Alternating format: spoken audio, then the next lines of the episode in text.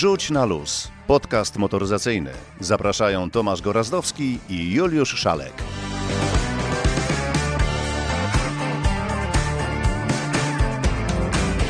Dzień dobry, dobry wieczór. W końcu nie wiadomo kiedy to pójdzie. To już 62 odcinek naszego podcastu. Więc, drogi Juliuszu, o czym dzisiaj tak na początek? O samochodach? Może być. Więc dzisiaj między innymi powiemy o tym, co dzieje się w, w marce Lexus. Jak to jest, że jedne samochody dostępne są od ręki, na inne trzeba czekać dwa lata. Poczekałbyś na samochód dwa lata? Nie. No właśnie. No A- właśnie, ale te patenty, a to zresztą zaraz y, opowiemy. Y, ja może też trochę sięgnę do samej motoryzacji i oczekiwania na nią, czyli co zrobić, jeśli bardzo potrzebujemy samochodu, ale go nie ma na naszym rynku, więc właśnie, co zrobić? Czy pojechać do Niemiec i kupić używane auto, czy może gdzieś dalej się wybrać po auto używane? Sprawdzimy skąd Polacy coraz chętniej kupują samochody używane, ale nie zabraknie oczywiście tematów te, tych, które ty naprawdę lubisz, czyli o grubych samochodach, czyli sprawdzimy, no właśnie, sprawdzimy jak wygląda Bugatti Chiron Super Sport i jaka niespodzianka czeka na właścicieli tego samochodu, którzy zdecydują się pojechać na przykład na hamownię takim autem. Opowiemy także o wyjątkowym egzemplarzu Astona Martina, skoro o dobrych samochodach y, mówimy.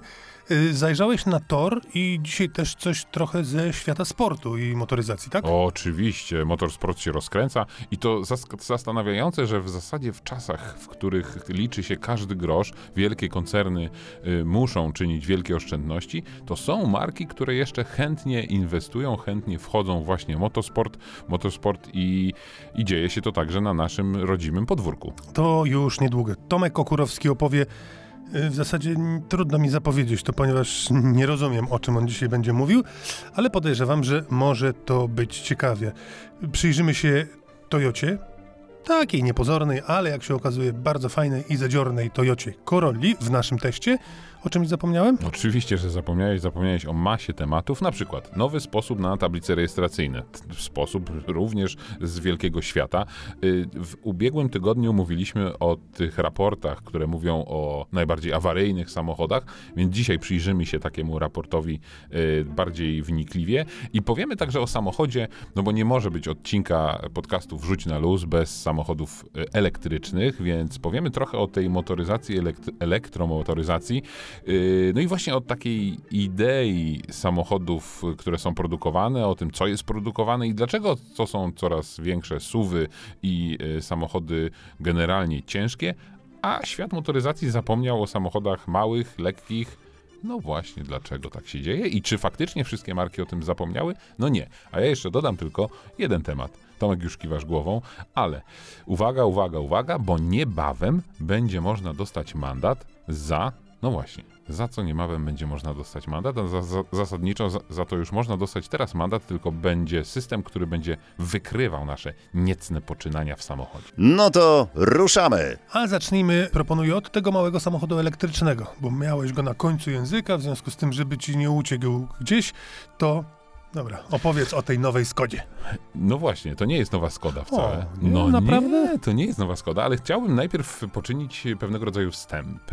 Yy, Rozwinę się troszeczkę, bo zobacz, mówiłem już o tym nieraz, że dziwi mnie to, że jeśli mówimy o samochodach elektrycznych, to oczywiście liczy tam się zasięg.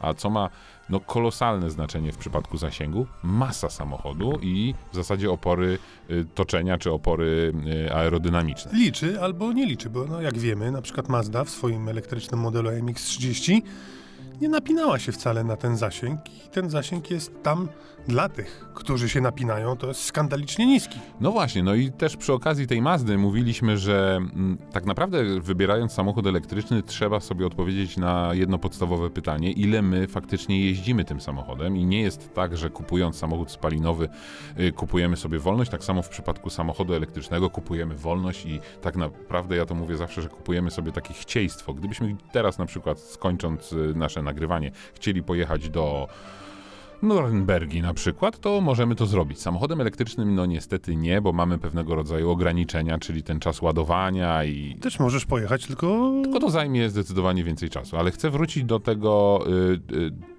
do mojej pierwotnej myśli. Y, mówiąc o samochodzie elektrycznym, mamy na myśli oszczędności. W przypadku samochodów spalinowych liczymy, ile samochód zużywa y, paliwa na 100 km. W przypadku, zobacz, w przypadku samochodów elektrycznych tak naprawdę posługujemy się zasięgiem, mało mówimy o tym, ile energii zużywamy na 100 km.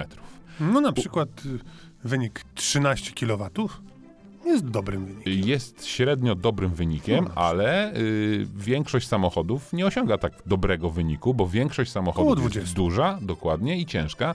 I y, z tymi akumulatorami w tym gabarycie zużywa około 20 kW na 100 km. I teraz zauważ. Panie ogóle- Juliuszu, Do rzeczy? no otóż to właśnie. Nie, to jest bardzo ciekawy temat. I teraz zobacz, y, uznaliśmy, że skoro mamy samochód na prąd, to tak naprawdę on jest ekologiczny i nie mamy się co martwić, ile on tam zużywa energii. No właśnie, im by samochód był mniejszy, tej, tym, tym tej energii zużywałby mniej. I na przykład taki Opel i taki Citroen wymyślili sobie, że będą produkować naprawdę małe auto. Małe, miejskie auto. W przypadku Opla nazywa się to Rock, w przypadku Citroena nazywa się to Ami. I to jest samochód, który jest, no, w dzisiejszym świecie można by powiedzieć mikrosamochodem. Czy ty w ogóle wiesz, o czym ja mówię? O jakim samochodzie mówię? O takim pudełku z czterema kołami. Bateria niewielka, wystarczająca na 75 km. No ile? 75 km. I teraz taka- uważaj, bo ten Taka sam, niedorobiona hybryda trochę. to tak jakbyś wyciągnął z takiego dużego suwa, na przykład Audi e-trona, z bagażnika, takie cztery kółka, taki wózek mały. Ale tam może generalnie wejść człowiek, kierowca i pasażer i mogą sobie podróżować przez te 75 km. Skoro producenci mówią, że człowiek codziennie pokonuje maksymalnie 50 km, no to te 75 km to jest aż nadto. Samochód jest mały, zgrabny, nie ma problemu z parkowaniem, bo jest naprawdę bardzo malutki. Yy, I co więcej, taki samochód możesz już sobie kupić. I w- przeliczając yy, na złotówki, on kosztuje około 80 tysięcy złotych. To nie jest zachęcające. Nie jest zachęcające, ale jeśli byłby w ofercie polskiej na przykład, to i tak byłby najtańszym samochodem elektrycznym, bo dzisiaj najtańsze auta. Pół samochodem. No nie wiem, czy to pół samochód, czy cały samochód, ale jest to oferta. Dwuosobowy to jest stwór? No y, tak, y, to jest taki nieduży, ale, Nie, ale tak ja taki trochę... samochód jest już na rynku. Ja sobie trochę żartuję, ale pomysł jest jak najbardziej godny polecenia i pochylenia się nad nim, dlatego że jeżeli mamy większość luk na rynku wypełnione przez samochody duże, albo bardzo duże, albo kombi, no bo gdzieś te baterie trzeba upchnąć, no to jest miejsce na takiego mikrusa.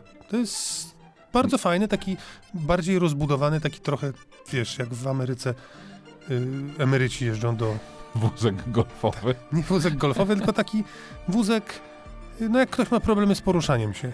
Nie, nie inwalidzki, tylko taki, no nie jak to powiedzieć. No właśnie, a tutaj jednak to jest w roli samochodu i, y, i wiem o czym mówisz. Zresztą w Europie były takie próby stworzenia takich y, osobistych urządzeń do przemieszczania się, no bo to tak można powiedzieć, bo tam tak naprawdę wygodnie wejdzie jedna osoba, y, ale, ale były takie rzeczy i w Grenoble Toyota testowała spalinowe urządzenie, taką kapsułę, która Jeździłem tym, bardzo no śmieszne. właśnie, jakoś to się nie przyjęło. To przypomina bardziej jednak samochód. Zobacz, smarty dzisiaj w Polsce, mm, one jakoś przeżywają drugą młodość, bo y, ludzie dostrzegli, że można tym łatwo zaparkować w mieście. Oczywiście to są samochody spalinowe, bo to są auta używane, ale są też smarty elektryczne, które kosztują bajońskie kwoty, więc jest nisza i jeśli taki samochód może kosztować 7-8 tysięcy euro w Niemczech, to on jest naprawdę tam stosunkowo tani. W Polsce będzie oczywiście droższy, ale yy, jeszcze jedna ważna informacja, właśnie jeśli mówimy o takich małych samochodach, że to jest taki trend gdzieś tam zauważalny przez innych producentów, bo otóż Nissan właśnie wyprodukował już takie małe auto, zaprezentował model, który nazywa się Sakura. Y, Na razie to jest y, samochód, y, czyli taki K-car w, w, Japonii tylko dostępny. Niewielkich gabarytów, bo on ma zaledwie 3 metry 40 centymetrów. Pamiętasz, pamiętasz Toyota IQ? No to to jest właśnie tego typu samochód. I teraz Ale tak. IQ była krótsza chyba, nie miała No tak, tam nie miała trzech, ponad 3 metrów, ale generalnie chodzi o mały samochód, który może mieć małą baterię i który Mały ma zasięg. nieduży zasięg, ale jest idealny do miasta. I już w 10 minut udało ci się powiedzieć, że Nissan zbudował taki mały samochód. Świetnie. Ale bardziej chciałem powiedzieć, że Citroenami jest. Super, tylko widzisz, poruszamy się w zamkniętej kapsule czasu. Nie. Im więcej poświęcimy czasu na malucha, tym mniej będziemy go mieć na samochody z prawdziwego zdarzenia. Co ciekawego w świecie moto? Bugatti Chiron. Bugatti Chiron Supersport, bo to jest ważna informacja. Słuchaj, powiedz mi taką rzecz. Kupujesz sobie samochód, na przykład niech on ma 150 koni i jedziesz na hamownię i okazuje się, że masz 5 koni więcej. No bo wychodzi z pomiaru, Świetnie. że masz 155. Robi to na tobie wrażenie? Umiarkowane, ale lepiej więcej niż mniej. A jakbyś miał 17 koni więcej, No to to samo. to samo.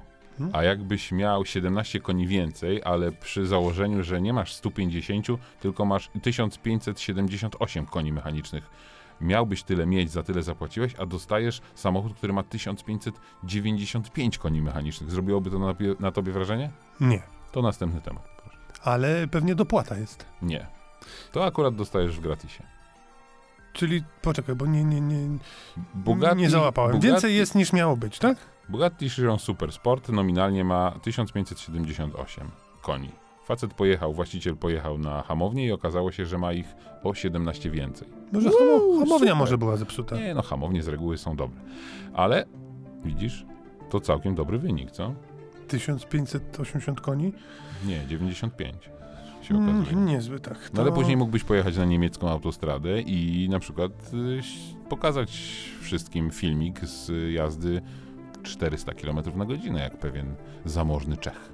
Słuchaj, to teraz w takim razie o samochodach łatwo i trudno dostępnych. Wspominałeś coś o imporcie z dalekich stron, ale może najpierw o takim imporcie zorganizowanym, lokalnym, o samochody, o które ludzie się zabijają. O jedne się zabijają, o które nie. Słowem, co ciekawego w Lexusie i jak Lexus daje sobie radę w tych trudnych samochodowo czasach, o tym rozmawiałem z Robertem Mularczykiem.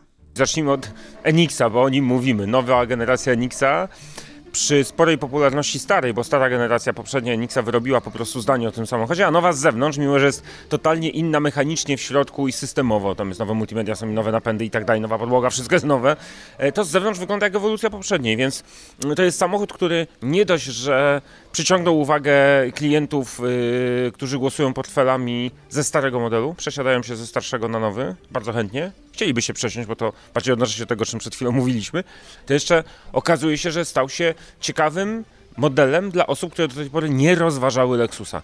No więc stał się, stało się to bardzo popularne i ten samochód padł ofiarą popularności. Przy trudnej dostępności surowców obecnie światowo, przy utrudnionej produkcji trzeba pamiętać o jednym jeszcze. Do tego samochodu, ponieważ on był pierwszym otwierającym nowy rozdział chociażby w tematyce multimediów, w, w klamkach bez e, nie, nie, nie ruszających się tylko z mechanizmami e, elektromagnetycznymi czy elektrycznymi otwierania. Tam jest mnóstwo nowości. Nie ma żadnego brata ani siostry bliźniaczki w ofercie naszej. Nie ma z czego podbierać. Nie ma z czego podbierać. Jak się nie ma, to się nie produkuje. A Lexus wyznaje zasadę, że nie wydajemy go lasów. Nie robimy wersji ze zderzakami z tańszej wersji, z kołami z dwóch wersji niżej, e, z kształtem felg na przykład, czy z wzorem felg e, i na przykład nie z, z tym napędem, a z innym, bo tutaj mamy tak naprawdę dwa napędy. Oba hybrydowe w tej chwili i cześć. E, w związku z czym, no niestety trzeba na ten samochód sporo czekać. W Polsce on jest popularny, w Europie on jest popularny, w Stanach on jest popularny, w Azji on jest popularny. No i robi się problem oczekiwania, bo kolejka jest bardzo duża, ludzie chętnie się na to auto zapisują. Nie bez powodu, nie bez powodu, my mamy w tej chwili uruchomiony program na końcową serię RX-a, oddziałkę większego samochodu, ale z poprzedniej generacji, po, przy poprzednim pomyśle jakby technologicznym na multimedia, czy na rozwiązania detali środka, bo mając tam bez opłat wstępnych leasing na rok, półtora, Yy, i potem odbierając ten samochód po tym leasingu, gdzie leasing kosztuje tak naprawdę koszt miesięczny tego leasingu, to jest koszt użytkowania auta, a nie spłacania tego samochodu, bo my go nie damy odkupić, tylko go zabierzemy potem, daje to, że czekając na przysłowiowego Enixa można pojeździć Elixem. I to jest jakieś zmniejszenie wymiaru kary i zmniejszenie obciążenia psychicznego dla osób, które słyszą, że jak teraz zamawiają, to produkcja nie majowa, tylko październikowa, a może listopadowa, prawda?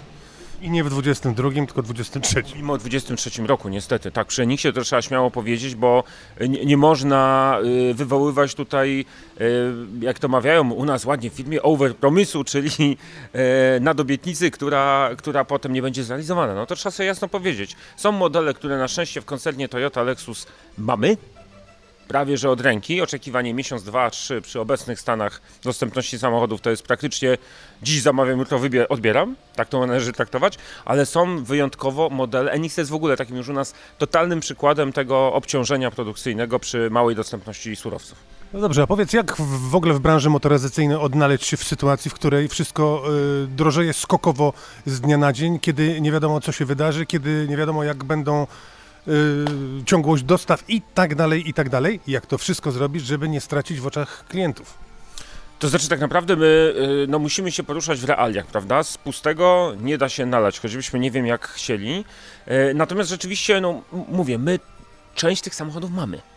W związku z czym proponujemy te auta, które mamy, w takiej dostępności, w jakiej mamy, z takimi napędami, jakie mamy, a ponieważ Toyota i Lexus y, proponują generalnie dość y, wąską paletę napędową, sprawdzonych napędów, nie robią 30 wersji napędowych czy 15 do jednego modelu, a dzięki temu spełniamy normy emisyjne, b nie ma aż takich groszad na serwisach chociażby i na produkcji, w związku z czym tu jesteśmy troszkę wydolniejsi, prawda? Dzięki temu mamy częściowo te samochody. Natomiast, no niestety, oczekiwanie jest do niedawna, jeszcze póki nie było tego szaleństwa związanego z wojną e, ukraińsko-rosyjską i skoków walut, e, był taki moment, kiedy to szaleńczo zaczęło lecieć na starcie tej wojny, mm, no to my trzymaliśmy cenę, w sensie mieliśmy taki program, gdzie jak się dziś zamówiło auto po cenie X, my wiedzieliśmy, że ten samochód przyjedzie w ciągu 3, 4, maks 5 miesięcy, to my tę cenę z dnia dzisiaj, to ten X gwarantowaliśmy przy odbiorze za 4 miechy, nawet jakby się troszeczkę to, to ryzyko walutowe kursu e, braliśmy na siebie. Natomiast jak się zaczęły szaleństwa walutowe, to my o tym jasno mówimy. My, my gwarantujemy cenę e, do poziomu przeliczenia złoty-euro 5 złotych za 1 euro. Jak to się sypnie, to nam się też sypie e, nasza dochodowość i e, te rozliczenia z centralą, które my mamy podpisane. My i tak je mamy na niższym e, przeliczniku walutowym niż 5 zł. E, w związku z czym, jak ta waluta skacze do góry, to, to my też tam już gdzieś ta, ta, ta e, dochodowość po stronie polskiej centrali nam maleje, ale pale licho. No trudno, tak jest. Trzeba brać na siebie odpowiedzialność pewną za ruchy. Nie możemy wachlować cenami co chwila. I nie będziemy nigdy przechodzić na euro. My zostaniemy w złotówkach, więc tu są pewne zasady twarde, których my się trzymamy, e, czy to w Toyocie, czy w Lexusie. Natomiast no, rynek jest przedziwny, prawda? I my musimy trochę się do tego dostosowywać. Takie akcje typu RX i, i najem tam na rok, półtora, żeby, żeby umożliwić mobilność ludziom, którzy czekają na nowy samochód, a, a no umówmy się.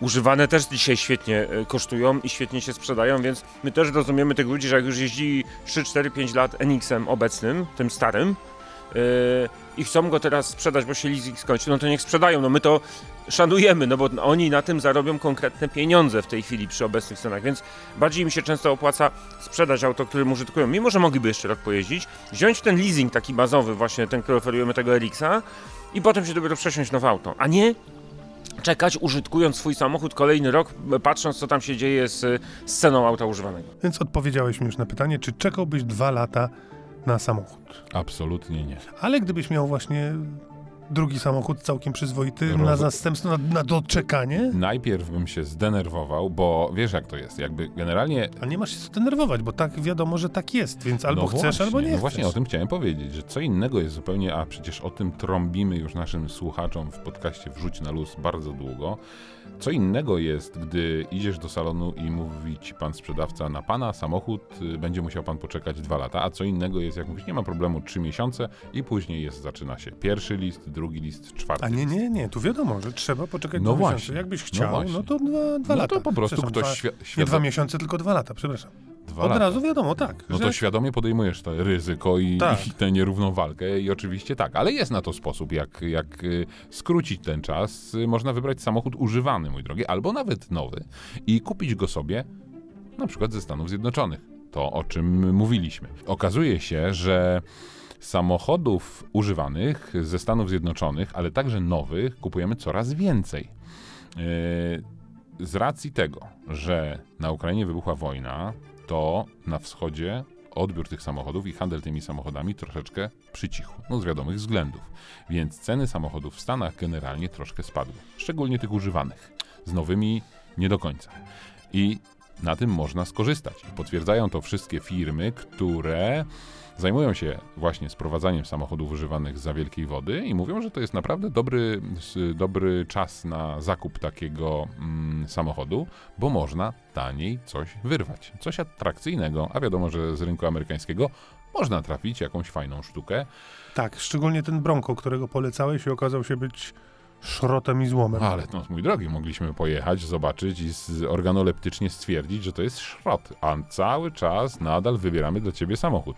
Tylko nie chcesz Mustanga, nie chcesz y, na przykład Challengera ani Chargera, chcesz coś, y, widzę, że to takie bardziej właśnie na ramię, z napędem na cztery koła. No tak, tak, masz tutaj trochę lasu, więc y, no, w takie auta celujemy i takie auto ci znajdziemy. A jeśli nasi słuchacze, jeśli macie na przykład jakieś rady, jaki samochód mógłby sobie kupić Tomek, to piszcie na Mhm. Instagramie, wrzucajcie zdjęcia, czy komentujcie. Tak, My będziemy pewno. też wrzucać. Na pewno, tak. Na pewno. Mhm, mhm. Y, Co teraz, mój drogi? No teraz ja myślę, że moglibyśmy, jeśli powiedzieliśmy A jak wygląda sytuacja z cłem i akcyzą na samochody amerykańskie? Jest. Wystarczająco zniechęcająca. Y, właśnie powiem ci, że y, za tydzień opowiem o tym dokładniej, bo jestem umówiony na y, nagranie i na rozmowę Z ministrem. z ministrem y, Ekonomii. od spra- sprowadzania samochodów z USA y, i rozwiejemy wszelkie wątpliwości i dokładnie powiemy, jakie auto warto kupić, jakich nie warto kupić i ile trzeba za to zapłacić, bo oprócz cła, opró- oprócz akcyzy, no trzeba ponieść koszty też transportu, a wiadomo, że koszt transportu trochę podskoczył do góry. Nawet nie trochę. Nawet nie trochę i nawet nie musiał do góry, bo podskoczył, to wiadomo. Mm, Więc jak to wszystko zorganizować, żeby było jak najtaniej i co sprowadzić, żeby było jak najtaniej? No bo jest kilka sposobów na na przykład obniżenie akcyzy albo niezapłacenie cła, jeśli kupisz sobie stary samochód, czyli taki klasyczny, czyli muzealny, czyli okaz kolekcjonerski. Więc o tym wszystkim powiemy, ale to za tydzień. A teraz Bez gwiazdy nie ma jazdy. Chciałbym powiedzieć o no, takim naprawdę grubym samochodzie, bo ostatnio mówiliśmy o tym, ile kosztuje najdroższy samochód na świecie. Pamiętasz? Tak. 650 milionów złotych. A teraz powiemy o samochodzie, który również jest na sprzedaż i można to auto licytować, bo jest, jest on oczywiście na amerykańskiej aukcji wystawiony. To jest Aston Martin DB5. Wiesz kogo? To jest samochód Wiem. Jamesa Bonda. Shona Connery. No właśnie, bardziej Seana Connery, bo to nie jest samochód, który e, jeździł w filmie. Historia z tym samochodem jest n- o tyle interesująca, że Sean Connery kupił sobie taki sam samochód, jakim właśnie jeździł w filmie. Mm, No, najbardziej rozpoznawalny samochód Jamesa Bonda. I ten samochód e, był u niego w garażu. E, Sean Connery jeździł nim, dbał o niego, no i teraz ten samochód trafił na, ak- na aukcję. Auto pochodziło z 64 roku i e, wiesz jaka jest cena szacowana, bo nie ma jeszcze ceny wywoławczej?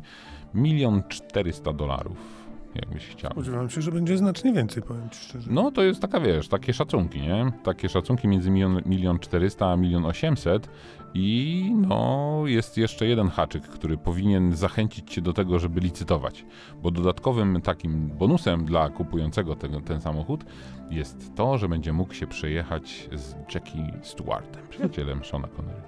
Tylko Sean Connery już nie żyje, a Jackie Stewart. To jest dobra lokata kapitału, prawda? Och, bardzo, Milion, bardzo. milion dolarów, czyli co? Razy pięć 4, milionów. 3. No tam. 5 milionów. 5 milionów. No wiesz, ale to jest wywoławcza, no to wiesz, nie Powiedziałeś szacowana. No, sz- No, szacowana to nie wywoławcza, tylko... Nie, to wywoławcza. To ja w takim razie popełniłem błąd, za co A, czyli to przepraszam. jest cena jak wywoławcza. Tak. A, no to zmienia może być, postać rzeczy, bo może już być grubo. A, bo Myślałem- że coś w telefonie robisz, sprawdzaj stan konta. Nie, nie, nie, to ja nie, nie, nie w tej sprawie. A jeżeli o to chodzi, dobrze, no więc y, zainteresowani odnajdą licytację. A propos o pieniądzach mogę, bo taki jeden temat mi wpadł do głowy. Tak, Słyszałem, że mandat dostałeś. tak, ja też słyszałem zupełnie niedawno i nie są to przyjemne. Historię? No to ja właśnie łączę kropki i chciałem powiedzieć i płynnie przejść do następnego tematu. Mm, otóż wszystkie, no w zasadzie nie wszystkie, bo obstawiam, że nasz polski rząd nie za bardzo nad tym myśli, ale wiele rządów w całej Unii Europejskiej, na całym świecie myśli, jak tutaj zwiększyć bezpieczeństwo na naszych drogach i to jest tutaj, mój drogi, temat bardzo ważny i zmusić nas, y, kierowców, do tego, byśmy nie używali telefonów komórkowych podczas jazdy. Bo jak przeprowadzono badania i szacuje się na przykład w Wielkiej Brytanii, yy, tylko z tego powodu doszło do tysiąca wypadków samochodowych, a w Polsce szacuje się, że to jest aż jedna czwarta wypadków, yy, które właśnie spowodowane są jakby, no nie wiem, nieuwagą, rozkojarzeniem, czy właśnie tym, że trzymamy, niekoniecznie rozmawiamy, tylko trzymamy telefon w, w rękach podczas jazdy. Wystarczy pojechać i stanąć w korku, by się przekonać. Każdy tak naprawdę kierowca w lewo, w prawo spojrzymy i faktycznie trzyma ten e, telefon w ręce. Więc co można zrobić? Można oczywiście zaprząc technikę. Karać można. Karać można, no tylko jak to, wy, wy, wiesz, ilu policjantów musiałoby być na drogach? Widziałeś ostatnio policjanta na drodze, który tak po prostu, nie wiem, patroluje, kontroluje, działa prewencyjnie? No nie ma ich. Nie wiem, co oni robią, nie wiem, gdzie się pochowali. W każdym razie ich nie ma, więc y, będzie do, ku temu y, zaprzęgnięta technika, i powstaną y, nowe kamery, nowe fotoradary, które będą monitorować to, co robimy w samochodach i będą to nagrywać. I później będzie to filtrowane przez oczywiście bardzo skomplikowany algorytm. Jeśli algorytm wychwyci, że na przykład nie trzymamy dwóch rąk na kierownicy, albo jesteśmy w jakiś sposób y, y, dziwnie rozkojarzeni i robimy jakieś dziwne różne rzeczy w samochodzie, to te wszystkie nagrania będą trafiały do specjalnych komórek, które będą już ręcznie analizowane. Ciach, masz telefon nagrany jesteś, jak trzymasz telefon w ręce, mandat. Tak chcą to ludzie załatwić na przykład w Niemczech. No i co, widzę, że tutaj Nie, no, na razie mogą, wiesz co mi... Samo, co my możemy Norwegom zrobić. Bo spece chcą, żeby się Norwegowie po, podzielili, rozumiesz? Y, Bo te spece to nie wiedzą, że się dzielą. Nie wiedzą, że się dzielą, a poza tym To mogliby co to za spece? zacząć od dzielenia się swoim, bo mają co dzielić. Nie, nie, nie, nie, nie, nie, nie. To źle myślisz, bo swoje to nie jest do dzielenia. A w zasadzie oni nie mają swojego, tylko nasze, więc nasze to oni. Otóż to, y, no to teraz słuchaj, właśnie sięgnąłem po telefon, bo musiałem sprawdzić, bo to jest nie do powtórzenia przez człowieka z głowy. Otóż teraz Tomek Kokurowski, nasz technologiczny guru, opowie o tajemniczym geofencingu, czyli jak pozbyć się znaków drogowych o ograniczeniu prędkości i jak kontrolować dzieci za kierownicą. Geofencing? Mówić tu coś? Nie, no to posłuchaj. Włącz, wyłącz, zresetuj. O technice Tomasz Okurowski. Geofencing. Hmm, cóż to za tajemniczy skrót? Z pewnością jest to wyzwanie dla językoznawców. E, Jak to słowo angielskie zaadoptować do naszego języka? Możemy w dużym uproszczeniu powiedzieć, że jest to nic innego jak taki wirtualny obszar czy wirtualna granica. No i teraz pytanie, co ten geofencing ma wspólnego z motoryzacją? Ano, okazuje się, że ma całkiem sporo. A mianowicie geofencing to tak naprawdę z punktu widzenia kierowcy czy ewentualnie właściciela samochodu nic innego jak możliwość e, inwigilacji, albo może inaczej, możliwość sprawdzenia, co się dzieje z samochodem. Wystarczy bowiem na przykład na mapie określić obszar, którego nasz samochód nie powinien przekroczyć. Z czym Wam się to kojarzy? Ano, z pewnością może się kojarzyć szczególnie rodzicom z kontrolą rodzicielską, czyli innymi słowy, z kontrolą naszych pociech, którym powierzamy na przykład nasz samochód. W przypadku niektórych modeli e, to było m.in. E, dostępne w Fordzie, czy ewentualnie jest dostępne w Fordzie. Możemy określić tak zwany dozwolony obszar, czyli właśnie korzystać z technologii geofencingu, e, po którym może poruszać się nasza pociecha, czy nasze pociechy mogą poruszać się pożyczonym samochodem. Jeżeli przekroczą ten obszar, wówczas dostaniemy stosowne powiadomienie na aplikację. Czytaj, uwaga, twoje dzieci wyjechały gdzieś, gdzie nie powinny jechać. Brzmi dobrze? No cóż, e, we współczesnej, e, jak gdyby dostępnej technologii można jeszcze z geofencingu wyciągnąć więcej i to znacznie więcej. A mianowicie technologię geofencingu połączono, uwaga, z elektromobilnością i ze wszelkimi tak zwanymi e, strefami e, dostępnymi tylko i wyłącznie dla aut o tak zwanej zerowej emisji.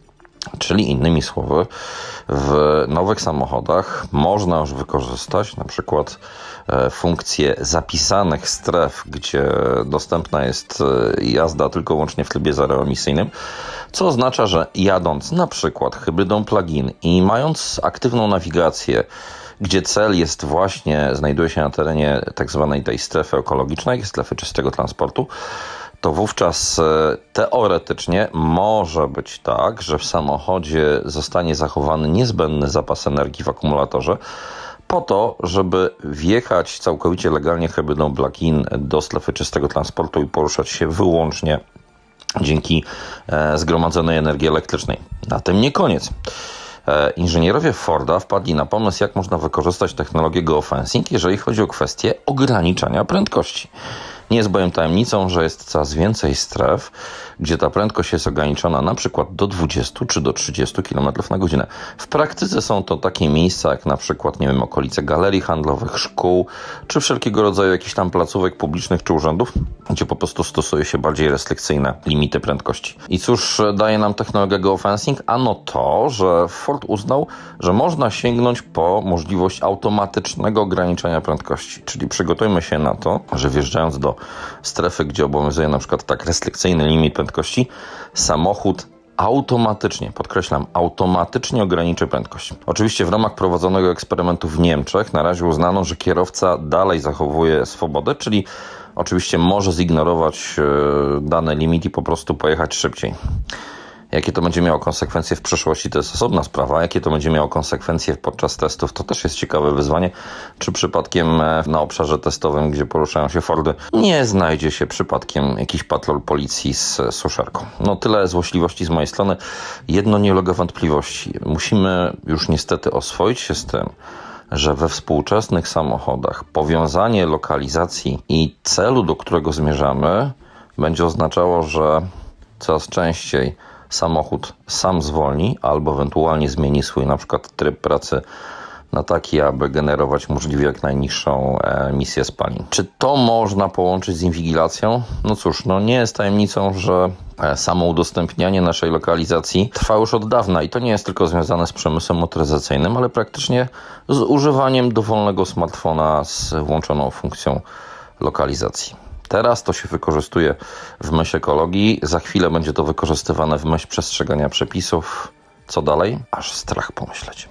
Wiem, że jest taki geolokalizator i aplikacja Etol działa na zasadzie geotrackingu, czyli cały czas musi śledzić położenie telefonu, bo tak naprawdę nie chodzi o, o, o samochód i na tej podstawie wie, że jedziesz autostradą i to jest taka technologia znana na całym świecie, także też zawędrowała do Generalnej Dyrekcji Dróg Krajowych i Autostrad. No i powstał właśnie Etol, ale geo... No widzisz, trzeba było słuchać. Wszystko byś wiedział. Technika idzie z nami krok w krok. A wiesz, że kupujemy coraz starsze samochody? Bo zdaje się na coraz mniej nas stać chyba, mimo że jesteśmy teoretycznie coraz bogatsi, nie? Nie o to chodzi? No tak, bo w sumie nas Polaków coraz mniej jest i wszyscy są coraz chudsi, jak to w takim jednym filmie było, ale faktycznie y, w ubiegłym tygodniu mówiliśmy o raportach y, ADAKU. Ja dotarłem teraz do raportu TIFU y, i najmniej awaryjne samochody mm, są oczywiście podzielone na kategorie i nie dosyć, że kupujemy te najstarsze, czyli średnia wieku, jak już liczą fachowcy, to jest ponad 12 lat no to w tych takich najstarszych, czyli właśnie 10-11-letnich samochodach, wiesz jakie auto jest najmniej awaryjne? Lexus. Audi. Audi TT. No dobra, ale do czego zmierzasz? No, że chciałem powiedzieć, że jak kupować na przykład 10-11-letnie, to najlepiej Audi TT, później BMW X1, a dopiero na trzecim miejscu Audi A1. Generalnie należy kupować, jeżeli chodzi, jeżeli chcesz mieć samochód bezawaryjny, to już mówiliśmy tydzień temu, że generalnie, nie wchodząc w szczegóły, należy, należy kupować BMW. Tak powiedzieliśmy w zeszłym tygodniu? Tak. A dlaczego tak powiedzieliśmy? Bo raport ADAC wskazywał na to, które samochody generalnie są najmniej No awaryjne. widzisz, a tu mamy inną organizację, organizację TIF, inny system y, pomiaru. No i zgadza się no pewnie, i tylko... widzisz, inaczej, już wychodzą inne marki, ale je, wiesz, co powiedzą wszyscy przeciwnicy tego typu raportów, że to jest też niemiecki e, raport i co? I patrzę w też te tabele, które mam tutaj przed oczyma i w, wśród aut dwóch, y, dwóch, trzechletnich, to powiem ci, że japońskich samochodów nie ma.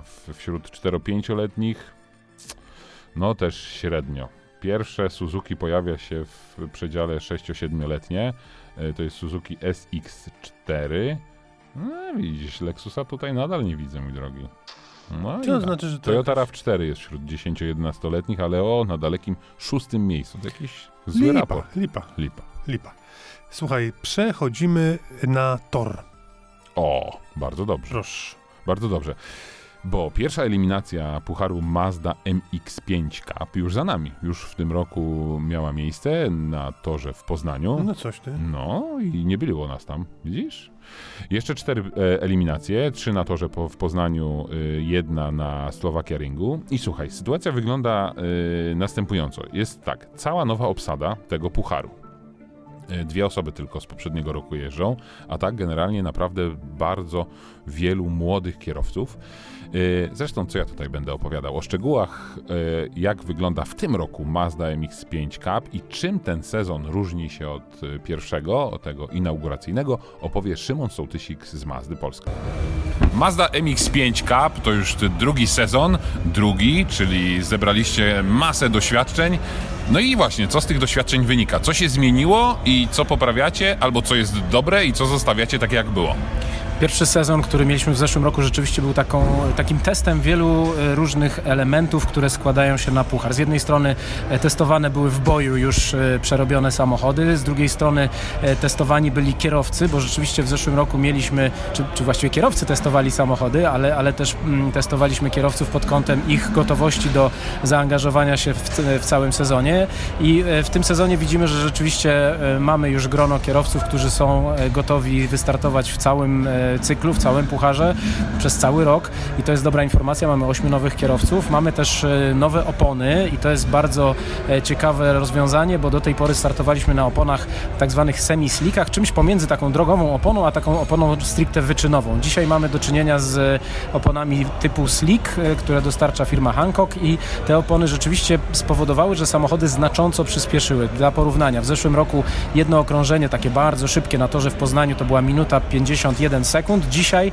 to już jest na tych nowych oponach minuta 47 sekund i właściwie wydawałoby się, że te 4 sekundy to jest taka nic nieznacząca różnica, ale w świecie wyścigów 4 sekundy to jest absolutna przepaść i rzeczywiście te samochody przyspieszyły o te, o te 4 sekundy.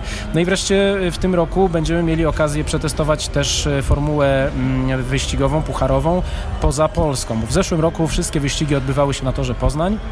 W tym roku cztery wyścigi, cztery weekendy wyścigowe, e, maj, czerwiec, lipiec i mm, przełom września, października to jest Tor Poznań, ale w sierpniu jest też jedna, e, jeden weekend wyścigowy na torze na Słowacji. Czy można powiedzieć, że to jest już teraz takie naprawdę poważne ściganie? Tak, Puchar Okrzep rzeczywiście zeszły rok był takim bardziej testowym, e, tak jak zresztą mówiłem na początku, pod różnymi kątami sprawdzaliśmy my samochody, kierowcy nas, my kierowców.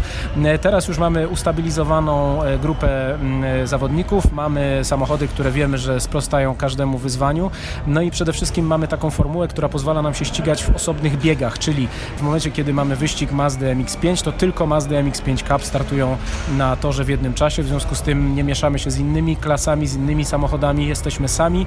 E, i to też pokazuje większą widowiskowość tego pucharu, bo rzeczywiście nie trzeba czekać, e, wyłuskiwać tych naszych samochodów z grona innych, tylko, tylko jadą same Mazdy i to też e, zwiększa, zwiększa atrakcyjność. Tak, tak, nie ma tej sytuacji, że ktoś na pierwsze miejsce przyjechał, a zajmuje później finalnie trzecie miejsce.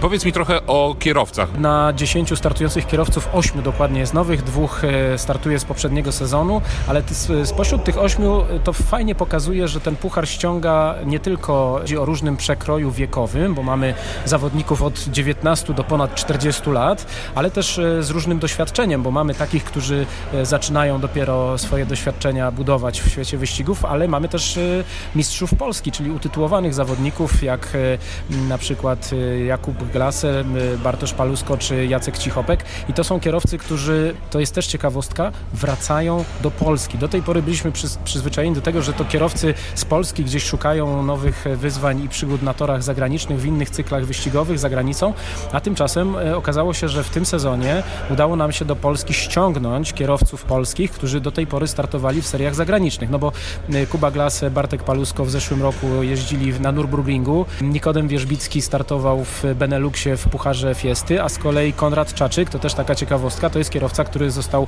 jest urodzony i, i wychowany na, na Florydzie i on na ten sezon przyjechał do Polski właśnie po to, żeby startować w Pucharze MX5. Ile to kosztuje i czy ta cena to jest już naprawdę wszystko, co trzeba wydać, żeby, żeby myśleć właśnie o tym, żeby się ścigać. Rzeczywiście cena jest bardzo atrakcyjna, jak na warunki sportu motorowego, który jest uznawany za jeden z najdroższych na świecie, no bo to mm, trzeba przyznać.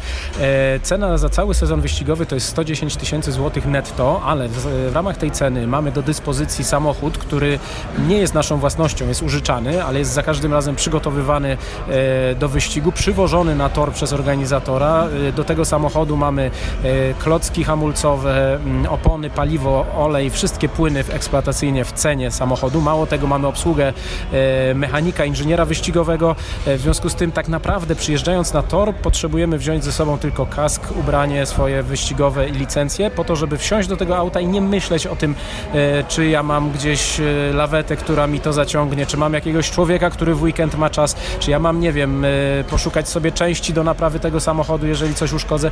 Więc tak, to 110 tysięcy złotych netto za cały sezon to jest bardzo atrakcyjna cena. Co może do tego dojść? Dwa elementy. Jeden to są dodatkowe treningi, jeśli ktoś chciałby, to oczywiście e, zawsze może sobie wykupić takie treningi i poćwiczyć. A drugi to jest ten element e, niespodziewany, czyli e, ewentualne uszkodzenia samochodu. No bo umówmy się, sport samochodowy, a zwłaszcza wyścigi pucharowe, to jest sport kontaktowy. Powiedziałeś 110 tysięcy złotych netto, to jak dobrze policzyć, to gdybym chciał kupić taką MX-5 Mazdę, to chyba wydałbym więcej. No, sam samochód jako baza wyjściowo kosztuje około 150 tysięcy złotych, do tego jest około 80 tysięcy złotych różnych przeróbek, bo musimy wziąć pod uwagę, że ten samochód jest w pełni przystosowany do mm, ścigania się na takim najwyższym europejskim poziomie, więc wszystkie elementy związane z bezpieczeństwem, z jego niezawodnością, z też pewnością prowadzenia w warunkach wyścigowych są tutaj uwzględnione. Mówimy tutaj o zmienionych hamulcach, zawieszeniu, o klatce bezpieczeństwa, systemie gaśniczym, e, kubełkowy fotel, szerokowe pasy, system odcięcia mm, prądu, e, więc to jest mnóstwo rzeczy, które tutaj są dołożone do tego auta, żeby jego parametry odpowiadały temu wymogowi regulaminowemu, ale jednocześnie, żeby ten samochód był bezpieczny i szybki. E, Powiedz mi, tak trochę odchodząc już od samego tego e, ścigania się, e, dlaczego wy weszliście właśnie w motorsport i zafundowaliście sobie MX-5 Cup? No to nie do końca jest tak, że my sobie weszliśmy, bo to jest tak, że Mazda y, jest tutaj takim powiedzmy partnerem, y, który udziela swojego brandu, swojej marki i swojego wizerunku. Oczywiście dostarcza też samochody, natomiast pomysł wyszedł y, z firmy Unitel Motorsport, która jest właścicielem tych samochodów i operatorem pucharu i z firmy TG Auto, która przerobiła te samochody i przystosowała do warunków wyścigowych. Więc tak naprawdę tutaj mamy trzy podmioty, tak możemy powiedzieć, czyli mamy Mazdę, mamy Unitel i mamy TG Auto, które jakby wspólnymi decyzjami podjęły to wyzwanie, żeby te samochody stanęły na, na torach wyścigowych. Ja myślę, że ta decyzja była dość oczywista, bo Mazda MX-5 już od 30 lat ściga się po prostu na różnych torach na całym świecie. Nam troszkę gdzieś tego brakowało w Polsce, tego ścigania na takim e, poziomie zawodowym. E, No a jak tylko pojawił się pomysł, żeby coś takiego złożyć w całość, no to postanowiliśmy do tego przyłożyć swoje 5 groszy i efekt końcowy widać albo słychać. Najwyraźniej w zeszłym roku sprawdził się puchar, skoro go w tym roku powtarzają. Mówiliśmy rok temu o, w szczegółach o, o tym, na czym ten puchar polega i jak on został wymyślony. No i Powiem ci więcej. Sprawdza się. Powiem ci więcej. Powiedz poza, mi więcej. poza mikrofonem rozmawialiśmy także z Szymonem o tym, że ten puchar obliczony jest na 3 lata, ale tylko dla jednych samochodów, a później na kolejne 3 lata w przypadku kolejnych samochodów. Czyli tak naprawdę, jak ktoś jeszcze się nie załapał, bo y, wszystkie miejsca tak naprawdę na ten sezon były już zapełnione na ostatniej eliminacji roku ubiegłego. Więc jest się nad czym zastanawiać, bo już są, y, jest, y, powstał taki zeszyt, wiesz, lista rezerwowa i już są zapełniane miejsca na przyszły sezon, więc naprawdę, no, puchar, jak mogliście usłyszeć, y, dojrzał, wydoroślał, czasy są coraz lepsze, kierowcy są coraz szybsi, więc naprawdę na przyszły rok, no, jest się nad czym zastanawiać, jeśli ktoś chce jeździć, no, takim profesjonalnym Szybko. samochodem. A y, tak jak mogliście słyszeć, to jak słyszeliście, no to to jest jeden z najtańszych, no w zasadzie najtańszy sposób na ściganie się. Tylko 110 tysięcy netto trzeba mieć, żeby w całym sezonie wziąć udział. Jedziesz? Jadę, oczywiście, oczywiście. Słuchaj, to teraz w takim razie zarządzam, e, że po tych ciekawych sportowych tematach, żebyś miał okazję troszeczkę przynudzić o nowych tablicach, O, rejestracyjnych, właśnie, a, potem, a potem przejdziemy szybko do naszego testu, ponieważ no, czas galopuje. No to ja szybciutko o tych tablicach rejestracyjnych, bo to na pewno wszystkich Was interesuje. Tym bardziej, tym bardziej, że temat dotyczy Kalifornii. Więc na pewno wszystkich, co? Dzisiaj No dużo o. Ameryce. Zaskoczyłeś mnie. Myślałem, że o naszych będziesz... Nie, no Opowiadam. to już mówiliśmy, a nawet mówiliśmy, że u nas brakuje y, cyferek, literek, więc y, też jest rewolucja w tablicach, ale otóż w Kalifornii wymyślono, słuchaj, wymyślono, że przecież po co aluminiowe tablice y, rejestracyjne? Po co te blaszydło dokręcać do zderzaka? Chociaż w Kalifornii i tak z przodu nie musiała być. Na pamiątkę. Jak no tak. pójdziemy piętro wyżej, to zobaczysz piękną, żółtą tablicę. No widzisz, no to zamiast pięknej żółtej tablicy będziesz mógł sobie niebawem przywieźć z Kalifornii piękną naklejkę, bo właśnie pomysł polega na tym, żeby zamiast tablicy rejestracyjnej takiej tradycyjnej była zwykła, zwyczajna, pospolita naklejka. No i słusznie. Od co i cała rewolucja. Ja tylko przypomnę, że na przykład y, w Wielkiej Brytanii te tablice też są w zasadzie plastikowe i one nie są wypukłe. To jest taki tutaj europejski nasz wynalazek, że tablica musi być aluminiowa i musi być wypukła. Wiesz dlaczego? Skąd wiesz, to się wzięło? Że w razie pożaru, jak samochód by spłonął, no to można zidentyfikować po wypukłej tablicy rejestracyjnej. A na przykład w takiej Wielkiej Brytanii samochód jak się y, spatoni, to po prostu nie wiadomo co, nie wiadomo jaka rejestracja i już. No ale tam jest inny system, tam tablica rejestracyjna zostaje z samochodem, chociaż u nas już też tak się stało, że może samochód zatrzymać tą tablicę rejestracyjną, którą miał poprzedni właściciel. No ale jakoś dają sobie radę Anglicy z tym, że czasami jak spłonie doszczętnie, to nie wiadomo. No i co? No, jakoś sobie dają radę, ale myślę, że tam paru, paru z naszego rządu musi jechać i zrobić porządek, bo nie może tak być, tam bałagan straszny. Wiesz, imprezy, tam Mamy. słyszałeś co Ma- piątek imprezki Mamy specjalistę. na Downing Nie jednego Street. nawet. No, chętnie byśmy, wys, wys, wyślijmy ich może, co? Bez prawa powrotu. Tak. No dobrze, to teraz e, o samochodach. No to spróbujmy. Nasz test. W teście dzisiaj, w teście dzisiaj mały, ale zadziorny samochód Mały, ale wariat. w kolorze czerwonym. Toyota Corolla. Chciałem powiedzieć, że czerwony to najszybszy. No, wystarczająco szybki, wyobraź sobie. To No dobra, Corolla, no ale to taka, co to, zwykła Corolla? Nie, bo to jest Corolla Hybrid GR Sport. Nie mylić z taką naprawdę GR-ką, bo to jest tylko taka wersja i no tak naprawdę tylko taka nazwa i parę dodatków, ale silnik 2 litry, Tak jest. moc 153. 153, skrzynia ECVT, no i hybryda. No i hybryda. I od czego by tu zacząć? Od tego by tu zacząć. Ja wiem, ja wiem. Mogę ja zacząć Proszę. od tego? Jak wchodzisz do tego samochodu, a masz powyżej 190 cm wzrostu i siadasz na fotelu pasażera, to kolanami walisz w deskę rozdzielczą. Więc nie siadajcie jako pasażer w tym samochodzie, tylko od razu za kierownicę. Nie mam Ty jesteś 190, w związku z tym... widzisz. Ale miejsca jest wystarczająco. Za środku. kierownicą. Tak, y, za kierownicą tak. I od razu możemy przejść do pierwszego potężnego minusu, jednego z niewielu. Bagażnik. Otóż ten bagażnik jest jakby podzielony na pół. Ale nie w pionie, tylko w poziomie. I cała dolna część jest właśnie przez urządzenia, przez hybrydy, pierdoły różnego rodzaju wypakowana. W związku z tym można powiedzieć, że tak jak z tym elektrycznym samochodem, jest pół bagażnika. A ile nominalnie pamiętasz, ile ona ma Nie tam pamiętam, litrów? nie pamiętam, ale ma e, niestety za mało. Jeżeli kupisz sobie taką analogową, nie hybrydową, wtedy ten bagażnik jest dwa razy głębszy i tam jesteś w stanie na przykład, no doga to może nie, ale powiedzmy Dobermana przewieźć. Natomiast w tym przewieziesz jamnika najwyżej. 313 litrów i ja powiem ci, że to marketingowo jest źle sprzedane, bo generalnie powinni, Toyota powinna komunikować... Najlepszy samochód do przewożenia jamników. Nie, do przewożenia sprzętu. Powinni komunikować, że bagażnik ma 450 litrów, tylko 150 jest zajętych po prostu z automatu. No Już. Wysokiej sztuki technologią. No ale słuchaj, ale to y, okej, no jeżeli chcesz mieć hybrydę, chcesz mieć tutaj 150 koni i tak dalej, to albo się z tym godzisz, albo nie. Albo... No ale wiesz, najważniejsze w tym to jest oczywiście, że skoro to jest hybryda, to faktycznie ten samochód potrafi zużyć niewiele paliwa. I e, co prawda, no, nie osiągnęliśmy wyniku deklarowanego przez producenta, czyli 5 no, z marginesem, ale Prawie, że osiągnęliśmy, No. bo w mieście było 5,8. no to prawie. W mieście było 5,8 i ale to nie ty było źle. Nie, ja po prostu osiągnąłem dobry wynik. Natomiast w trasie, kiedy się tak mówi czasami, że te hybrydy po prostu poza miastem, to już jak, o matko święta. Nie, 6 33, Ale powiedzmy, że to była prędkość, y, nie, nie było wolno, 140 ale też, na godzinę, tak, ale też do 140, czyli nie pedał w podłogę. No faktycznie to, to jest y, duży minus różnego rodzaju hybryd, to tak naprawdę był, bo te hybrydy pierwszej, drugiej generacji, czy nawet trzeciej, one faktycznie przy dużych prędkościach i przy stałej jeździe potrafiły dużo zużywać paliwa. Później już no, trochę nad tym popracowano, szczególnie Toyota nad tym popracowała, no i efekt jest widoczny, a przyjemny, szczególnie na stacji. Wlewasz 35 litrów i zasięg pokazuje się 750 km. No tak, tylko to może być faktycznie trochę uciążliwe, jeśli jeździsz dużo w trasie. Yy, No ale Co jeśli. jest uciążliwe? No taki malutki zbiorniczek. Jeżeli ci starcza na 750 km, to co ci przeszkadza mały zbiorniczek?